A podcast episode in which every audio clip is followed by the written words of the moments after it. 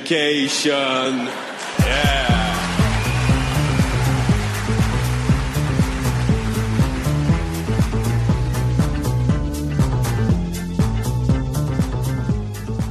Välkomna till Flumskolan, vår folkbildande litteraturcirkel från Galago och Aftonbladet Kultur som spelas in på Kulturhuset i Stockholm. Samtalsledare här på Flumskolan är som vanligt jag, Johannes Krenell.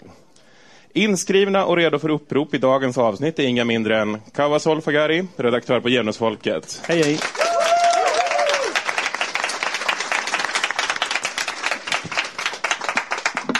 Anna-Karin Linder Krauklis, teater och rollspelspedagog. Hej, hej.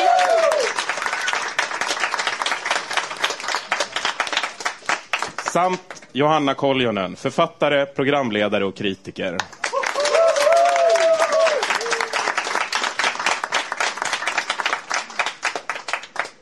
Idag ska vi läsa dramapedagogen Diddy Örnstedts och konstnären Björn Sjöstedts alster De övergivnas armé. En bok om rollspelskultur utgiven på Norstedts förlag som lyckas att både gå på djupet och befinna sig helt i det blå samtidigt.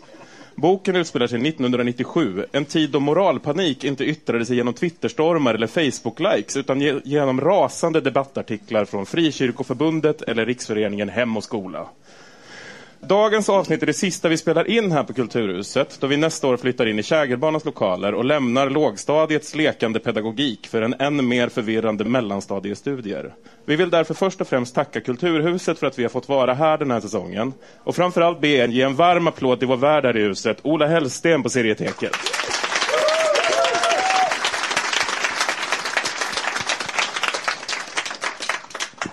Recensenten Staffan Rislund skriver i sin recension av boken i barnlitteraturtidskriften Opsis Kalopsis. Att de övergivnas armé överhuvudtaget blivit utgiven är ett mysterium. Detta mysterium ska vi nu bena i. Vi börjar med kapitlet Rollspel som metod och hobby. Och då börjar jag med att läsa ett längre citat här. Eh, Dagens ungdomsgeneration växer upp i en kultursituation som saknar motst historiskt motstycke. Den tekniska utvecklingens mångfald av nya medier, uppfinningar och kommunikationsteknologi som befrämjar bekvämligheten har skapat förutsättningar för nya levnadssätt och yrkesområden. Men utvecklingen lever även, leder även till att fasta anställningar blir mindre vanliga och försörjningssituationen blir allt mer osäker för större delar av befolkningen och då inte minst ungdomsgenerationen. De fortsätter med Sverige är inte längre bäst i världen. Humanismen och solidariteten har devalverats. Nyliberalism, konkurrens och utslagning föder ett förakt för de svaga. Det som av nationalekonomen professor Bo Södersten benämns de lågproduktiva grupperna. Detta har tillsammans med en arbetslöshet som ibland till och med påstås överträffa den på 1930-talet skapat ett förvirringens klimat. Plötsligt tycks ingen, varken experter, presidenter eller FN ha någon makt eller avgörande inflytande på världen och framtiden. Kände inte ni, liksom jag, att den här liksom, i början på kapitlet invaggar en i någon sorts falsk trygghet om att det här kanske är en rätt rimlig bok ändå? Eh, Ja, det känner jag. Och jag tror, en sak som värmde mitt hjärta väldigt mycket var att man hänvisade då till den här eh, utsatta generationen som generation X. Och jag bara, oh my god, det gjorde vi på den tiden. Man var så jävligt cynisk och bara, åh, världen är- har gått åt helvete och vi är generation X och nu ska vi vara så lite ironiska. Alltså det, var en, det återuppväckte också en självbild som jag har glömt sedan dess. Det känns ju också som att den här texten hade kunnat skrivas idag. Ja. Den, det känns inte som jättestor skillnad och då är det ändå nästan, ja, inte 20 år sedan, men 15 år sedan den skrevs. Mm. Vad säger du, Kalle? Jag tänker bara prata på alviska från och med nu. Sen fortsätter man skriva. Som ett mer extremt led i vissa former av rollspelsliknande övningar framstår sensitivitetsträning. Denna metod utvecklades i USA på 1930-talet. Den går ut på att deltagarna vidgar sina känslomässiga gränser genom ohämmad utlevelse. Det gäller att våga framföra sina åsikter inför varandra och leva ut sina verkliga känslor. Metoden skapar ett klimat av hänsynslös ärlighet. Ett komplement till denna metod är mind control, mental styrning. Denna metod fungerar genom att man upplåter sin vilja till ledaren, som styr individens beslut i olika situationer. Mind control tillämpas i denna betydelse inte sällan inom olika sekter. Eh, kände ni liksom jag att den där känslan av rimlighet försvann rätt fort? Alltså hon sätter ju tonen för vad resten av boken ska handla om kan man säga. Att det, det, om det, liksom, det blir ännu mer insinuant än detta. Liksom. Men det är liksom det här, här sätts tonen. Ja, hon, hon inledde ju med, omedelbart med att koppla ihop två saker som bara har en slags tematisk koppling. Men ordet rollspel har en historisk eh, koppling både för den här typen av grejer som hon beskriver som absolut har funnits och finns i verkligheten och den typen av rollspel som vi kommer att prata om idag. De har ingen de facto annan koppling än att, än att ordet har liksom rest mellan de här båda grupperna. Och vet man det här så blir det ju väldigt orimligt direkt. Men jag vill samtidigt säga att mind control, allt det här som hon beskriver är ju någonting som har funnits på 30-talet och framåt och som blev jättestora folkrörelser på 80-talet med någonting som hette till exempel EST, Erhard Seminar Training och så här. Och som idag man, används i management consulting, många av de metoderna finns i någonting som heter UGL och så här, så att om ni talar, går in på till exempel Handels eller människor, ska vi säga de stora styrelserna i Sverige så har många av dem genomlevt den typen av rollspel som hon beskriver där, som dock inte har någonting med mig att göra. Sen slutar ju likheterna där mellan kanske de här stora, alltså om du går in på handel så hittar du inte fyra svettiga snubbar som kastar tärningar, hoppas jag. Eller jag vet inte, det kanske man gör. Det kanske man gör nu för tiden. Men det hade man kanske inte gjort på den här tiden. Så, att, så att den, vilken typ av rollspel man spelade var ju mm, kulturellt betingat på den tiden. Vi går från mind control till spelledaren. Och där skriver de, spelledaren är vanligen inte psykologiskt eller pedagogiskt utbildad eller yrkesverksam och har i allmänhet endast begränsade kunskaper inom gruppdynamiska effekter. Hans auktoritära ställning förenklar ledarskapet i gruppen. Efter avslutat spel sker heller ingen avmantling. Tvärtom kan spelarna leva med, leva med och vidare utveckla sina rollpersoner från det ena speltillfället till det andra.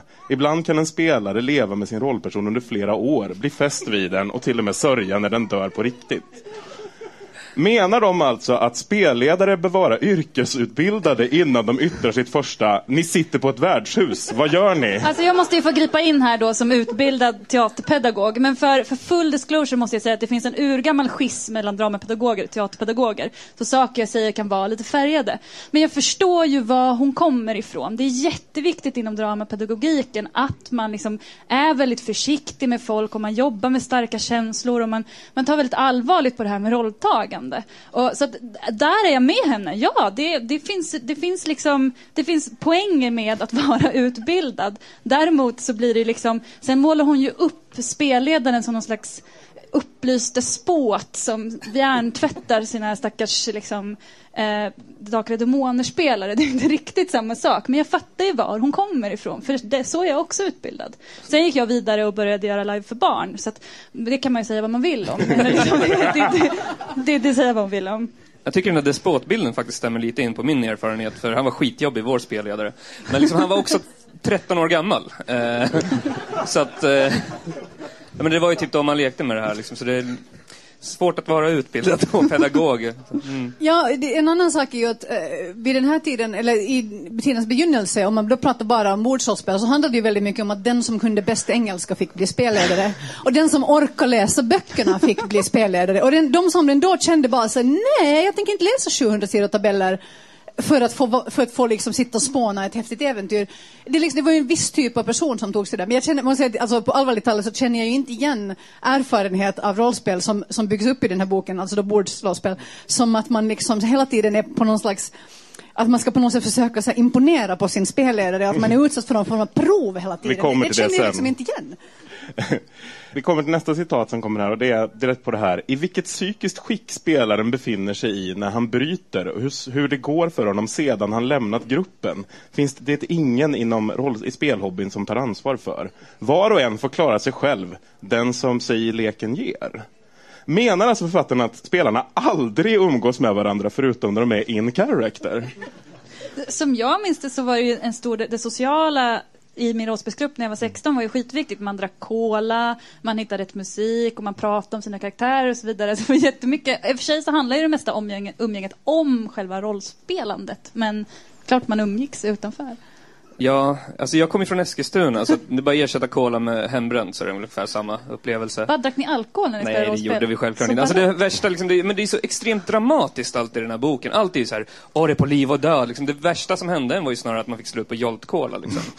Men, men sen är det också så här, det finns ingen i rollspelsvärlden som intresserar sig för hur folk mår psykiskt. Oh, men gud, det finns jättemånga. Redan alltså på 90-talet, det var så värsta stora diskussionerna. För att tonårsrollspelare, alltså särskilt kanske tonårslajvare, älskar ju att tycka att det som man höll på med var jävligt intressant och viktigt och potentiellt kanske livsförändrande och farligt. Vad vi inte förstod var att om vi hade börjat med hockey hade det varit precis lika livsförändrande och farligt. Oh my god, jag har lika liksom, intresserade kompisar. Och, så här. och man hade ju inte, alltså vi pratar ju kanske också själv om det Alltså, som jag kommer ihåg det så pratar man hela tiden om psykisk säkerhet och sådana saker. Och i efterhand när jag kan lite mer om det här ska jag säga så här, gud det var helt ofarligt. Men vi, vi tyckte att så här, åh, men, men jag, jag tänker på en sak som kanske är viktig att säga i, i att vi, vi jobbar med en bok som är extremt konspirationsteoretisk. Så kanske borde jag och Jock komma ut.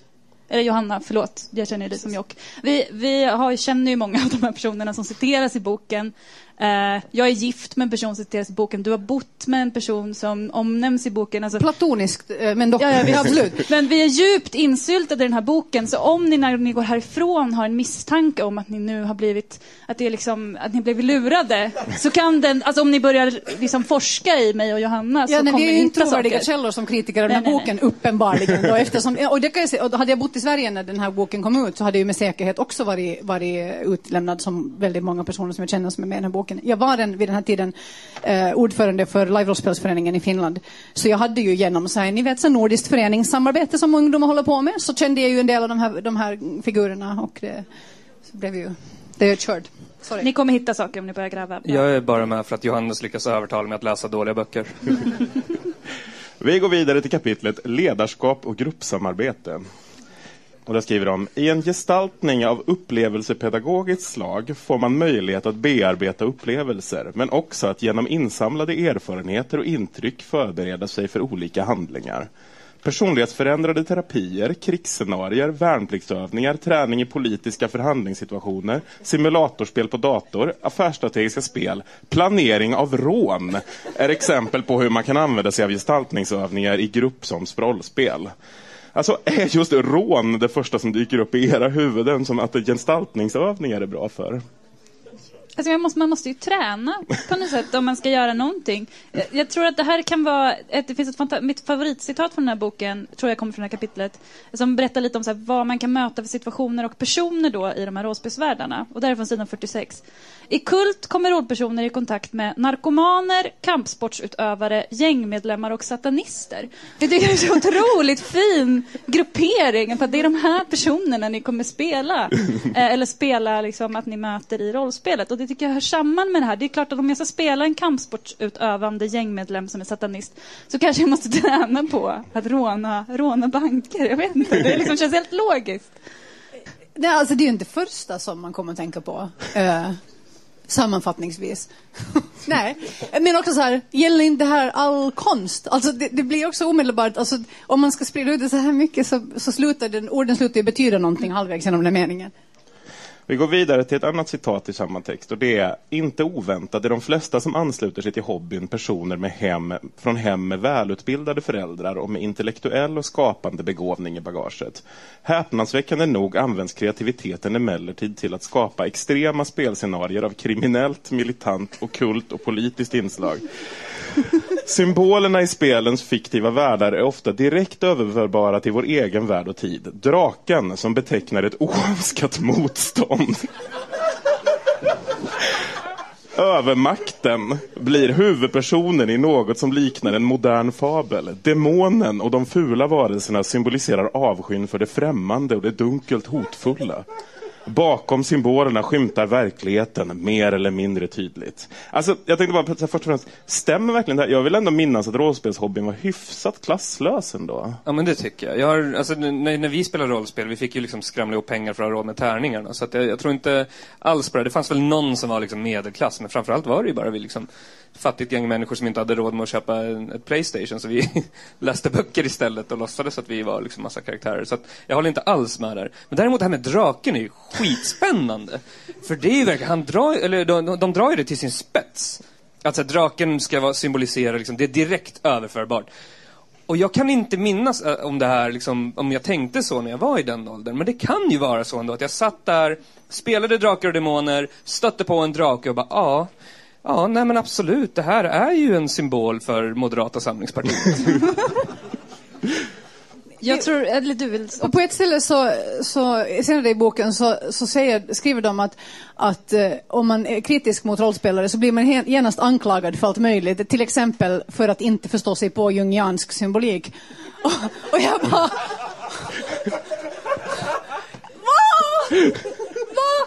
Jag tror att hon förstår sig lite för mycket på att uh, hålla på med jungianskt eh, trolleri. De, de, de håller på med det. Det oroar mig att de gör det. Men hela medelklassdiskussionen är ju någonting som är väldigt levande inom rollspelsrörelsen och Sverok och live-rörelsen. Och där skulle jag säga att hon har rätt, eller jag har en annan upplevelse, att det, det är väldigt vitt och mycket medelklass.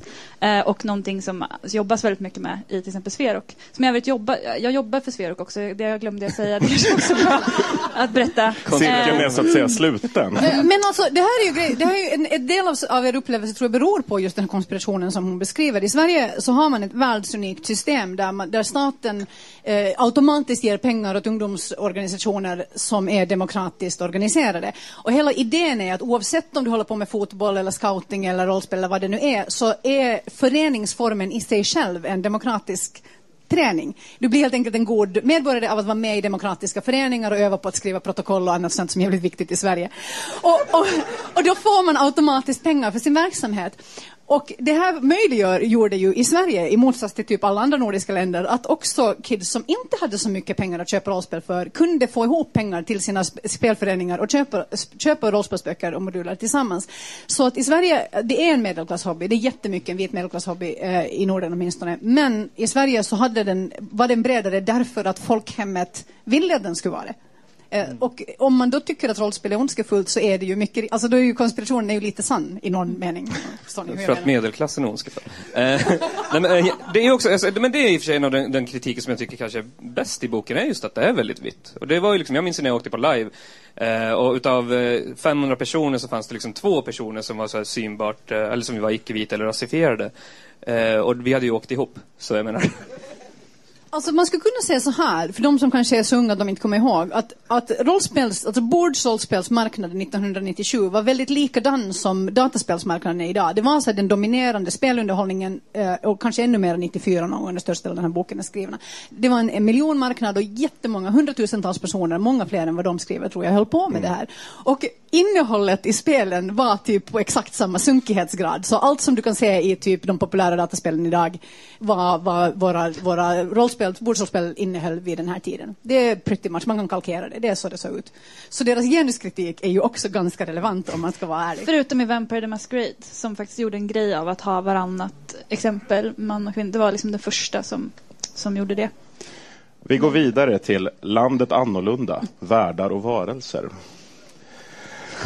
Och där hoppar vi in på det här citatet. Att befria enskilda samhällen från demoner och andra ockulta krafter fordrar sakkunniga utövare i form av magiker. Att spela magiker innebär att man får stor psykologisk makt över medspelarna.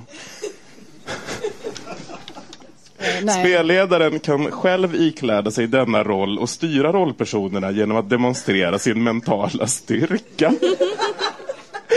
Medlen kan vara skrämsel, hot och ödesdigra besvärjelser för att driva handlingen i önskad riktning.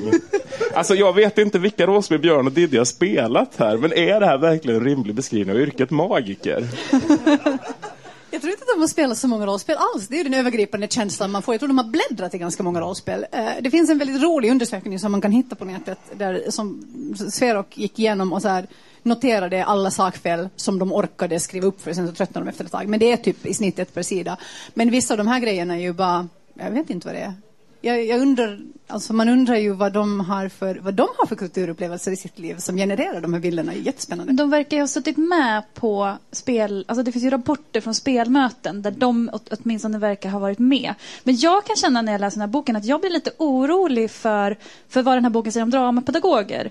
Eh, att, att dramapedagoger verkar ha en stor oro för det här att skilja mellan roll och verklighet och vad som liksom är Vi verkligt kommer till det om och en inte. liten stund. Liksom. Mm. För det är väldigt intressant. För det är, det, är en, det är en genuin oro jag har. Eh, på riktigt. Apropå det här med deras research så kommer vi in på ett annat citat här. Det är, tanken på en ljus framtid återspeglas sällan eller aldrig i de spel som säljs på marknaden. Eller som en 20-årig högskolestuderande man uttrycker det. I vår spelgrupp diskuterar vi ofta, ofta maktfrågor. Det är inte så konstigt att vi intresserar oss för olika ämnesområden som till exempel vapen. Som samhället ser ut idag kommer det att vara vapen som gäller om tio år. Alltså är verkligen en snubbe som pluggar på högskola tillräcklig empiri för att säga någonting alls, tycker ni? Jag tycker, ja, ja, men det där är rätt intressant, för de pratar väldigt mycket om eh, rollspelet Neotech.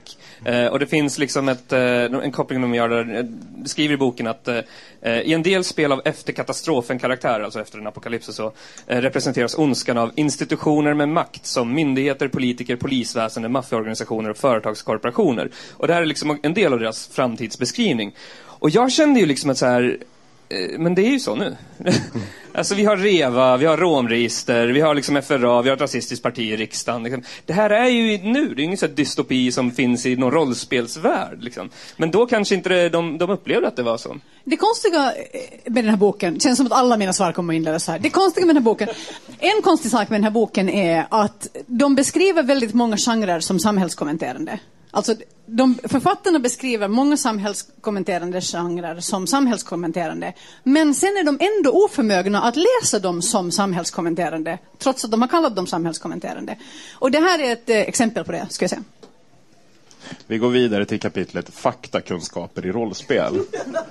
Och här tänkte jag på en första grej och det är när de skriver När rollspelarnas företrädare i offentliga sammanhang presenterar sin hobby betonas fantasidimensionen. Allt är fiktivt hävdar man. Men de flesta regelböcker är i själva verket späckade med fakta.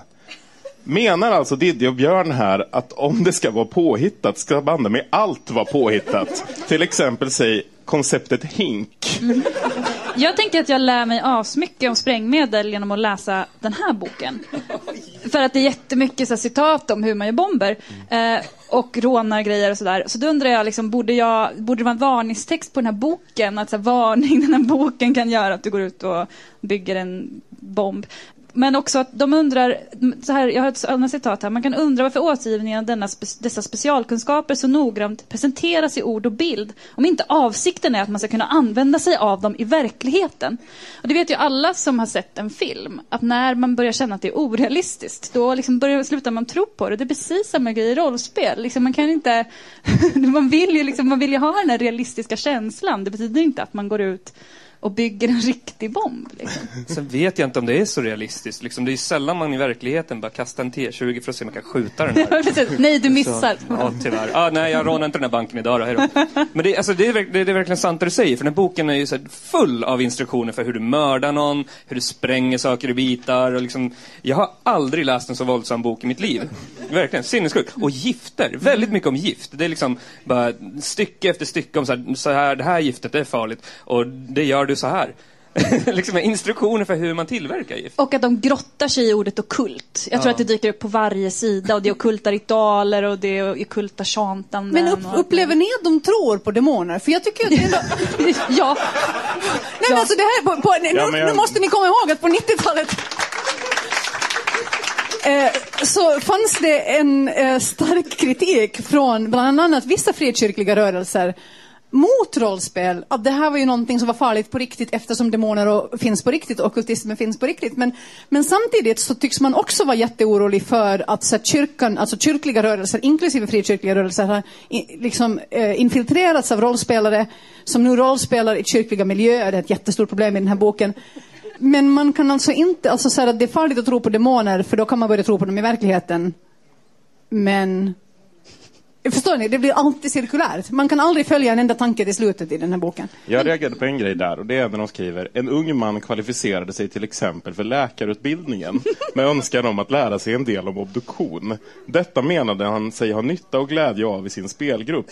Egentligen ville han bli journalist. Alltså, om du väljer att gå sju år på läkarlinjen när du egentligen vill bli journalist för att lära dig lite om obduktioner till en spelkväll. Är du då ett, God empiri för en undersökning om rollspel. Kryss, en långsiktigt tänkande spelledare. Eller två, galen. Ja, men det kan, alltså, sånt kan väl ha hänt i mitten på 90-talet. Du måste komma ihåg att det var före internet. Man kunde bara inte slå upp saker. Men jag tänker också, alltså det är väldigt mycket saker som så här, sägs väldigt starkt i den här boken om otaliga berättelser om när rollspelandet sipprar ut i verkligheten. Men det är aldrig några källor på det, utan det är väldigt mycket hörsägen. Så, att, så att jag vet inte riktigt, alltså, om någon känner till den här berättelsen, om den här, det skulle ju kunna vara någon man känner, jag vet inte, eller någon, någon bekants bekant. Kan inte ni liksom skriva det på, på Facebookgruppen. Men jag tycker, jag tycker så här, det, det, alltså, jävlar vad bra rollspel är i så fall att den här snubben blev eh, läkare istället för journalist. För alltså, det är skitsvårt att få jobb som journalist. Ja, ja, visst, det var ett jättebra framtidsval. Eh, angående faktakunskaper kommer här lite längre citat. Och det är Spelaren och inte bara spelledaren kan genom sin rollperson också få prova på den auktoritära maktens sötma. Man får skilja på att spelledaren bestämmer på riktigt medan spelarens rollperson endast får kommendera efter spelledarens anvisning. Om det skulle visa sig att spelarens rollperson börjar ta sig ton och uppträda opassande i förhållande till spelledaren så kan denne tillgripa rollspelssupplementet Grymkäftsfällor med 98 katastrofer, olyckor, dödsmaskiner, mördarmanicker och andra avskyvärda anordningar att straffa och undervisa uppstudsiga rollpersoner med. Noggrant beskrivna i detta supplement för den sadistiskt skojfriske spelledaren. Grymköpsfällor som illustreras med tydliga bilder på de olika människofällornas, människofällornas konstruktioner introducerar spelaren i tankebanor som närmast är att jämföra med en tortyrens förskola. Under en föregiven ironisk skämtsamhet väcker man tanken på att man faktiskt kan bestraffa någon genom tortyr eller dödsfällor. Grymkötts fällor leder definitivt tankarna till andra publikationer som sprids för verkliga syften. Alltså, en av fällorna i Grymkötts fällor består av en fallgrop ner till jättelika humrar. Eh, när ni ska applicera Grymkötts fällor på verkligheten, var hittar ni då världens största hummertina någonstans? Men är det I inte så... Östermalmshallen. Ja. Är det inte också så att Grimförkäft-källor är ett skämt redan från början? Det är väl inte Ja. seriöst? Är det någon som har spelat det? Jag har bara läst Vi om det. och vi- bläddrat i det, men det var jag har den. vi, konstaterade mer eller mindre att det var ett skämt och ingenting Ja. man ville använda. För att eh, om du spelar rollspel så vill du ju liksom göra det längre än fem minuter gärna. Och inte döda av alla karaktärer direkt. För det var ju oftast det som hände med de här fällorna. Senare skriver de, man får hoppas att de cirka 200 000 hobbyutövarna i Sverige endast uppfattar budskapen som ett spännande tidsfördriv. Och att de i tider av arbetslöshet och svikna illusioner inte förvandlas till förhärdade aktörer i akt och mening att skaffa sig den makt och de möjligheter som samhället förvägrat dem.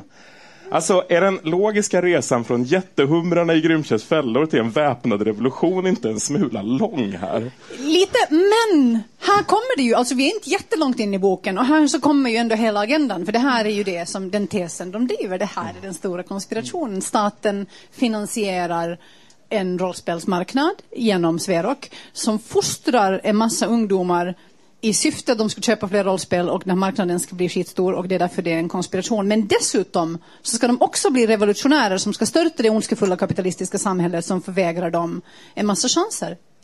Solklart. Jag har hört, eh, alltså det, jag kan inte bekräfta det, här, men jag har hört ryktesvägen att eh, inför valet så kommer Vänsterpartiet flygbomba Sverige med Drakar och Demoners senaste utgåva. Ja, det finns en bok av Neil Strauss som heter Emergency där han undersöker survivaliströrelsen. Och boken handlar också om att ju mer han undersöker survivaliströrelsen desto mer fanatisk survivalist blir han själv. Och till slut så sitter han så här iförd eh, med, med liksom en, en bowie knife och, och väntar på att han ska liksom bli anfallen och att samhället ska falla samman. Och det känns som att när de har gjort den här boken så har det varit ungefär samma process. De har börjat med en tes. Tänk om det här är en konspiration. Och allt de har hittat tyder liksom på att den här konspirationen stämmer och det blir bara mer och mer och mer, och mer sant och till slut så finns det en bok. Och så Så säger de att det ju, går till. men om man jämför grymt, så här, den, den där långa citatet du läste slutar ju med grymkäftsfällor för tanken till andra typer av böcker. Ska du berätta lite om de andra typerna av böcker? Det är Turner Diaries och Anarchist Cookbook till exempel som nämns där. Som alltså är högerextrema instruktionsböcker mer eller mindre, eller vänsterextrema eh, som faktiskt förklarar hur saker och ting sker i verkligheten. Men det, alltså, det har ju ingen som helst koppling till Alltså jätteamöbor som låtsas vara ett golv som sväljer dig när du går på det. För det, det jag vet inte, alltså säga om man vill om höger och vänsterextremister, men jag tror inte riktigt de kan fixa de grejerna. Nej, men det är liksom, jag har ju bläddrat i båda de, både anarkistkokboken och i Grym fällor. Liksom, I den ena, då, då lär du dig göra liksom en, en pipebomb. Eh, och i den andra, då lär du dig eh, göra en kikare som när du vrider för den för att fokusera så får du en spik i ögat. Eh, och jag känner liksom det ena skiljer sig lite från det andra. Sådär. Det är lite mer sympatiskt att få någon att bli lite glad först över att han har hittat en kikare och sen får en spik i ögat och bara får en spikbomb. Eh, I, I boken så står det också att kikaren osar av svart magi. Så Mm. Vi går vidare till kapitlet religiositet, och okkultism. I Kults värld får rollpersonerna vänja sig vid att människor de möter i sin vardag, syskon, föräldrar, äkta hälfter, lärare, präster, skumma typer i själva verket kan vara inkarnater. Någon av de vidriga dödsänglarna i förtäckt form. Det gäller med andra ord att lära sig behärska dessa dödsänglars knep, att driva ut dem eller göra dem till sina förtrogna. Hur det blir hänger på spelledaren och hennes spelare. I Kult benämns spelledaren för första gången i feminimum. Ett skäl kan vara de sexuella ritualer som förekommer i spelet fordrar kvinnlig kunskap och medverkan. Alltså Vilken vad betyder ens det här? Är det här liksom någon sorts pik angående manliga rollspelares sexuella erfarenheter? Eller vad? Men man undrar vad det är för erfarenheter då de, de, de syftar på. Vad är det för specifikt kvinnliga erfarenheter som man kan koppla ihop med riktigt. Man kan ju säga att det här underminerar lite deras rim, rimliga genuskritik av så här fantasy-genrens och cyberpunk-genrens eh, i mindre utsträckning liksom så här köns, normativa könsroller. Den, där var de ju ändå inne på någonting som kändes rätt vettigt. Men sen den sekunden som, som eh, typ rollspelsbranschen och då i det här fallet det är ett svenskt rollspel dessutom som var förstås lite så här ahead of the curve börjar ta itu med de här frågorna så blir man någon slags biologiska essentialister. Eh, och då så tappar jag ju, man, så jag i min så här, mm, känsla av, av systerskap, för den, den agendan liksom sjunker ju rätt raskt eh, när jag kommer så här långt. Mm. De är väldigt fokuserade på rollspelet Kult. Det återkommer ju hela tiden. Och det det gör för mig är ju att jag blir extremt sugen på att spela Kult. Och att, för att när, när, när jag spelade Kult var jag 16-17 och det var ju typ det ballaste jag gjort. i- Och jag får tillbaka känslan. Och på vägen hit så lyssnade jag på soundtracket till The Crow som vi också spelade Kult till och bara åh. Så att, jag tänker så här, det kanske motverkar syftet till varför boken skrevs. tänker jag, att man blir sugen på. Men jag tänkte på detsamma. Alltså, det fanns en period i ens liv som så här, på torsdagskvällar, tisdagskvällar förlåt, så, så, satt, så åkte man efter skolan ut i en betongförort tillsammans med så här, sångaren i Fintroll, eh, som inte ännu var det på den tiden, men som var vår spelledare, vår, vaktmästaren i vår skola och kultspelledare. Och, för det här tre, år, och tre år äldre än vi. Typ så här, en gammal man praktiskt taget. Eh, god vän. Och, eh, och så spelade vi Kult fram till klockan 22, för då gick X-Files i finsk TV, då kollade man på X-Files och då var man verkligen den där woho. Mm. Och sen senaste samma år eh, så kommer jag ihåg att man så, att det var en sån här, man såg Seven på bio. Och det liksom hängde, och man bara oh my god, det här är precis som kult, det här är så fett. Alltså, och jag kände så att det är en lycklig tid i mitt liv. Alla de här jätte, det är så fint, det var så fin, fina berättelser. Jag har faktiskt en jättedålig erfarenhet av det spelet, bara för att balansera ut det lite. Fast det var ju inte på grund av spelet, och det är på grund av spelledaren som var så här, eh, faktiskt finsk eh, nynazist, vilket var liksom så här, det kan ha varit mer det än någonting annat. Eh, skitobehagligt. Det var typ så här, ah, slå en T20 nu, svartskallig jävel. Så, vad sa du? Nej, ingenting, slå en jävla tärning. Så, ah, okej. Det var alltså- jätteobehagligt. Spelade aldrig mer. Jag vill inte liksom på något sätt förminska din erfarenhet av den här, rasist, den, i den här situationen, men det är ändå intressant att han var så pepp att spela rollspel. att han ville spela med dig. Jag tror inte han hade så många vänner, ärligt talat. Vi går vidare till kapitlet Ont och gott är samma sak. Och här skriver de, var och en som vill överleva det stora slaget på den yttersta dagen måste inse vikten av att ha kunskap om såväl draken, den vilande besten i sin håla, som de demoner som kan vara verksamma för att vinna över mänskligheten på sin sida. Dessutom måste spelarens rollperson ha kunskap om alla de tjuv och rackarknep som de listiga drakarna använder sig av. Därför är det nödvändigt att han är väl förtrogen med stridsteknik, strategi, övertalningsförmåga, manipulation, droger och vapen. Alltså, när min anka som är köpman lär sig färdigheten köpslå till FV15 är det alltså en förberedelse inför den yttersta dagen det handlar om.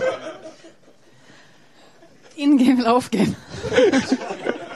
Jag har ingen aning längre.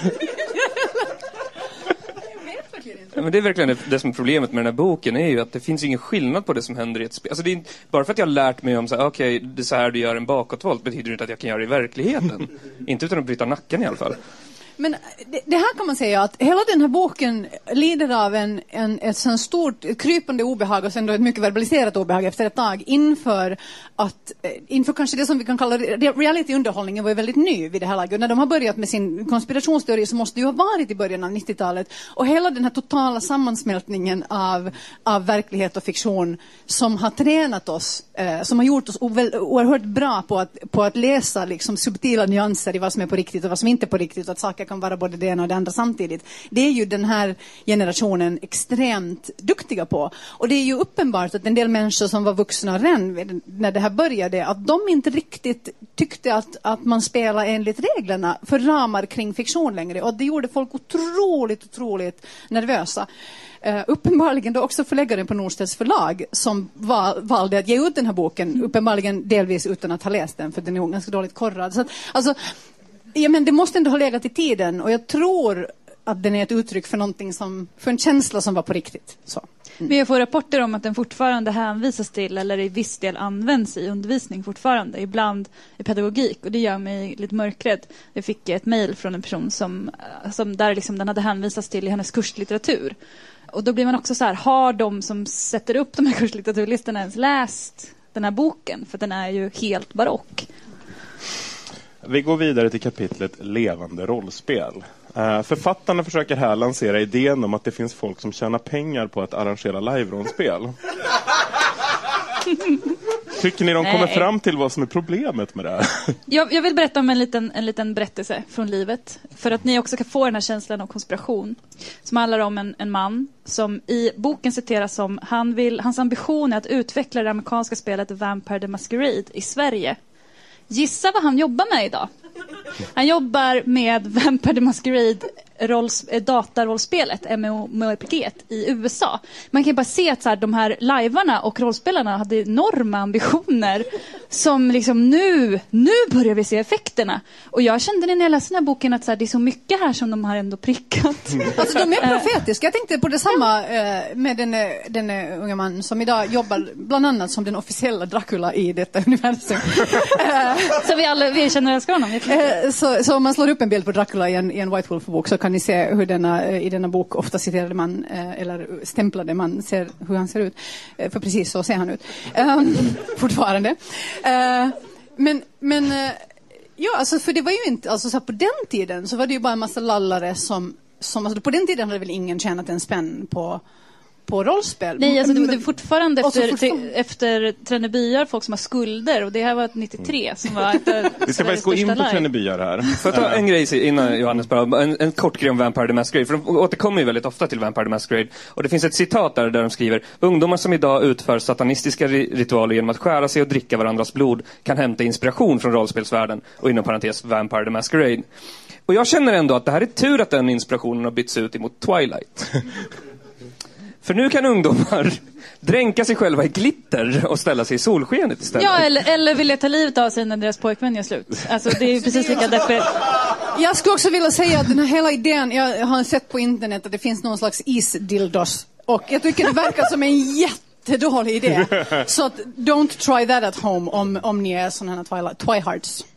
Jag tänkte på en grej de skrev om Trennebyar och det var det fanns också en annan sida av Trennebyar.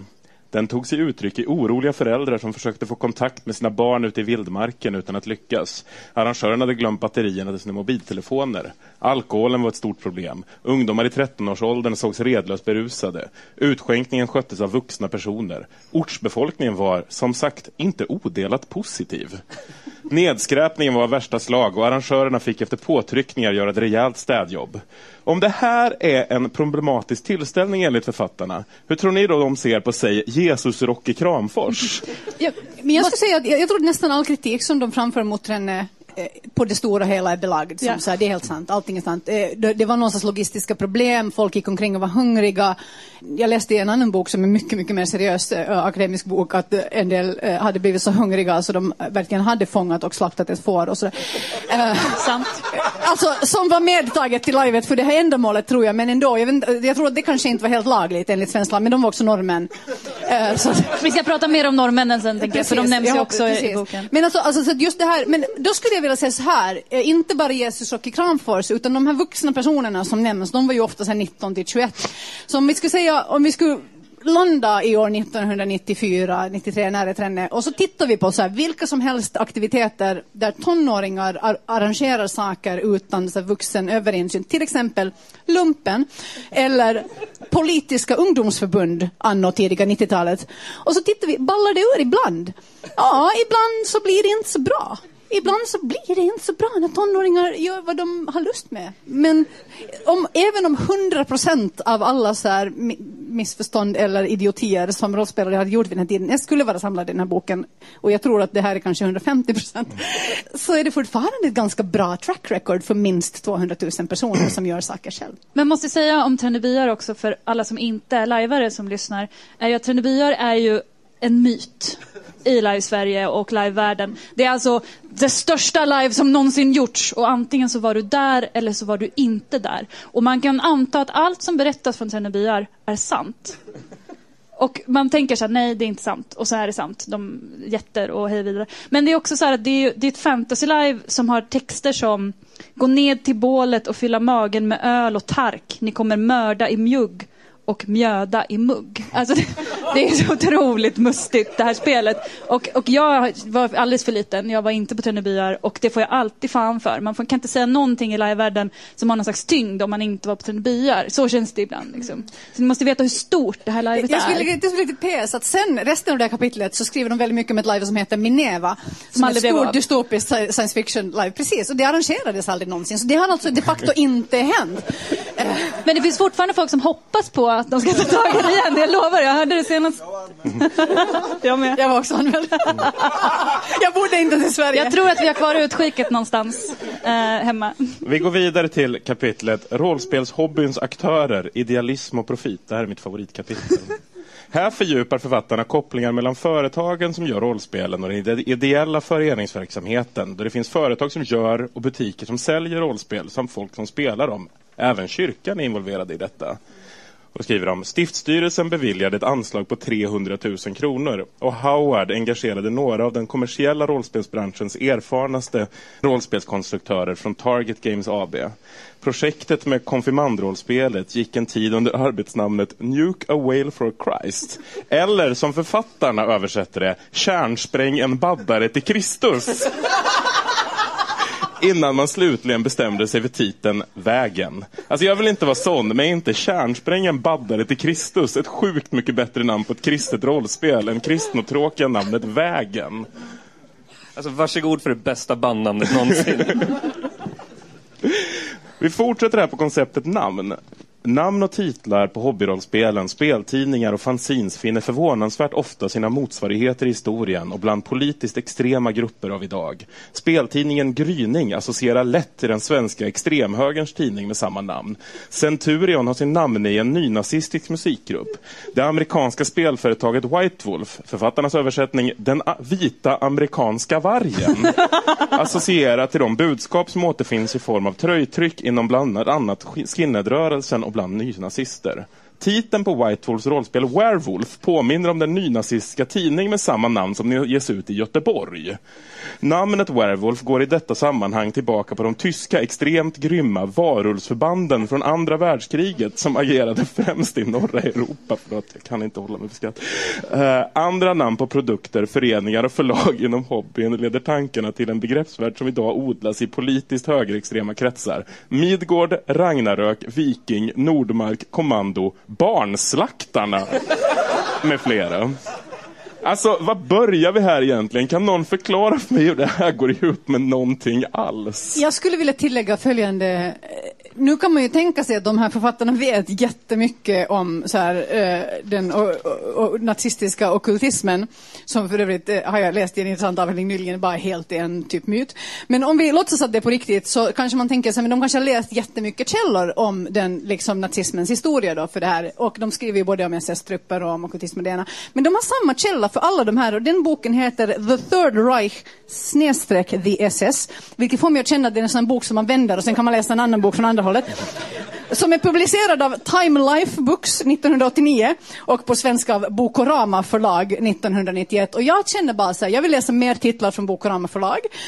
Och jag och så här, Time Life Books, really? Really? Det här är alltså en slags här, fotoböcker av, lite så här Readers Digest-karaktär som man kunde prenumerera på om man vill lära sig till exempel om nazister och bor i USA. Sen tror jag att ganska många av eh, de här namnen som du läser upp, de, de tror jag, de kan jag inte säga någonting om, men just rollspelsföreningar i mitten på 90-talet kunde heta lite vad som helst. Eh, och jag fick också ett Facebook-meddelande om en, en förening i Göteborg som hette någonting typ Spräng Diddy eller någonting som de, Sverek då fick dem att ändra namn för det var inte riktigt bra att det hette det. Och jag tror att den största den största grejen, utkomsten av den här boken är att alla lajvare och rollspelare som var med i mitten och slutet på 90-talet blev sjukt mediatränare. Man kunde inte heta så här drakelvs slashare längre som rollspelsförening för att det framstod inte som något bra, man framstod inte som seriösa så då växte vi upp och så bildade vi liksom liksom fantastiska förbundet eller liksom det, det blev mycket mer rumsrent för att inte kopplas samman med den här boken och att folk skulle tro att vi var okulta nazister. Och det tackar jag Diddy och Björn för faktiskt. Men det här med, alltså, fortsätt lite med det här okulta nazister. För någonstans i, i boken så eh, kommer de in på det här spåret att om två saker använder samma ord, då hör de ihop. Alltså det finns ett stycke där det står så här, värderingen av högre och lägre raser återfinns även i rollspelskoncepten rasläror. Eh, och till exempel Sagan om ringen, att där har man olika raser, man har alver, man har orcher och man har människor. Men det är ju inte samma som att alla som spelar rollspel plötsligt blir här nazistmagiker. Vilket de försöker få det här till. Att säga, ja, ni förstår, i nazismen då tror man att det finns olika raser. Och det gör man i Sagan om ringen också. Hä? Ser ni? Det påminner bara om så här, i USA förra valet så var det en snubbe som hade satt upp en skylt där det stod så här, Obama, Osama. Hmm, are they brothers? Eh, Och eh, de här författarna har ju också gjort en läsning av Sagan om ringen eh, eller en bläddring av Sagan om ringen, där, där de eh, härleder på något sätt som jag inte vet, för att det är inte belagt i texten, att människorna är den finaste rasen i Midgård. Och vi bara lämnar det där, men det är alltså deras uppfattning och därmed så bevisar de då sin, sin tes om nazismen. Men Tolkien hade ju i och för sig inte de bästa människosynen. Nej, nej, det finns massor med sunk där. Ja, men vi kan väl ändå vara ense om att, om att människorna inte är den finaste rasen i Midgård? Nej, det är det är alverna. alverna. By far! Nu vill jag säga någonting på alviska, Typ men jag kommer inte på alla någonting. andra, alla är de alviska. odödliga raserna är väl finare än människor och sen kommer orcherna. Typ. Jag tänker nu gå in på en, en, en nyckel, ett nyckelcitat i den här boken tycker jag. Och det kommer på kapitlet Våld som konst och nöje. Eh, och jag tänker skippa rätt mycket där, för det är rätt mycket videovåld. Det tyckte inte jag var så himla Det intressant. är väldigt långt. Det. Ja, och det var väldigt ointressant. Men, men det här tyckte jag var ganska spännande. Det är, för att närmare kunna kommentera hobbyrollspelens verklighetsanknytning måste man definiera begreppet verklighet. Det vi uppfattar som verklighet är i hög grad ett resultat av ett växelspel mellan våra föreställningar och förväntningar, fantasier, faktakunskap, tidigare erfarenheter och vad våra sinnen faktiskt informerar oss om. Eftersom vår verklighetsbild bygger på tolkningar utifrån dessa utgångspunkter är det knappast längre meningsfullt att försöka hävda någon sorts någon strikt åtskillnad mellan fiktionen och verkligheten. Alltså, hold your horses här, men säger alltså författarna att de anser att det inte finns en skillnad mellan fantasi och verklighet? Döden är bara början. Det vet vi väl allihopa. Det är, precis som i Kult säger de att man ska, man ska titta bakom slöjan. Det är precis det de pratar Men om. alltså, lite håller jag ju med om jag ska vara helt uppriktig. Alltså, jag, jag, men jag kan ju läsa det där bara, absolut. Och det kallas för postmodernismen och välkommen liksom. Alltså, men, men det betyder ju inte att det, alltså, ända fram till det där, det är inte, att det är inte meningsfullt att tala om någon skillnad. Självklart är det jättemånga kontext, alltså av det som vi kallar, kallar verkligheten, så bygger den ju också på sociala konstruktioner och kulturell tradition och sådär. Och är därmed eh, vad ska vi säga, manipulerbart med samma typ av verklig, med beredskap som fiktion i andra sammanhang är, inklusive kan vi säga någon sorts rolltagande och speldesign och så här. Så där har de ju i någon mening rätt. Jag bara inte riktigt ser problemet. Ja, men jag kan förklara problemet, för det kommer vi till i kapitlet Påverkan och personlighetsförändring. För där skriver de så här. En pappa på en ort i Norrbotten berättar att hans 18-årige son, som under en längre tid ägnat sig åt rollspel av kulttyp, inrett hela sitt rum som en djävulsdyrkares boning. Föräldrarna ställde ultimatum. Antingen skulle sonen flytta ut eller också inredningen. Sonen blev kvar hemma och inredningen försvann. Om pojken hade kvar möblemanget kvar inombords var omöjligt för pappan att veta. Jag tyckte det lät som en väldigt väluppfostrad son som bara, de bara, ta ner det där ockulta, satanistiska. Han bara, okej okay, pappa, nu gör vi det. Men de pratar ju om någon sorts avprogrammering här. Ja, det? det? är också människor som förenas av en viss dödsrocks, eh, förenas av viss dödsrocksmusik, rollspel och apart filmsmak med en samhällsfrånvänd livsfilosofi. Alltså det, det är liksom, de, de verkar ju vara helt övertygade om att man, när man går in i det här rollspelandet så kommer man inte kunna skilja vad som är roll och vad som är, eller vad som är spelet och då vad som är verklighet. Och det är ju uppenbarligen väldigt, väldigt farligt. Ja, men, men det, liksom, det ingår i någon slags tema där, just det, varför är det här farligt? Och det är för att eh, kidsen lär sig ifrågasätta makt. Det handlar om att så här, ja, de börjar ifrågasätta auktoriteter, de börjar ifrågasätta föräldrar, myndigheter, polisen.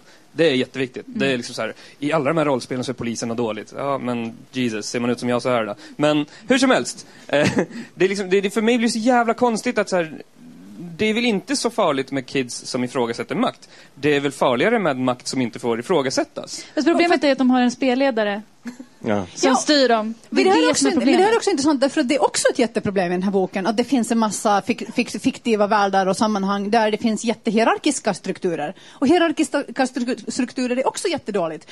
Så att om man, om man håller på med fiktioner som handlar om ont och gott, så är det inget bra. Om man håller på med fiktioner som handlar om hierarkier, så är det inget bra. Men om man håller på med fiktioner som handlar om uppror mot hierarkier, så är det inte heller bra.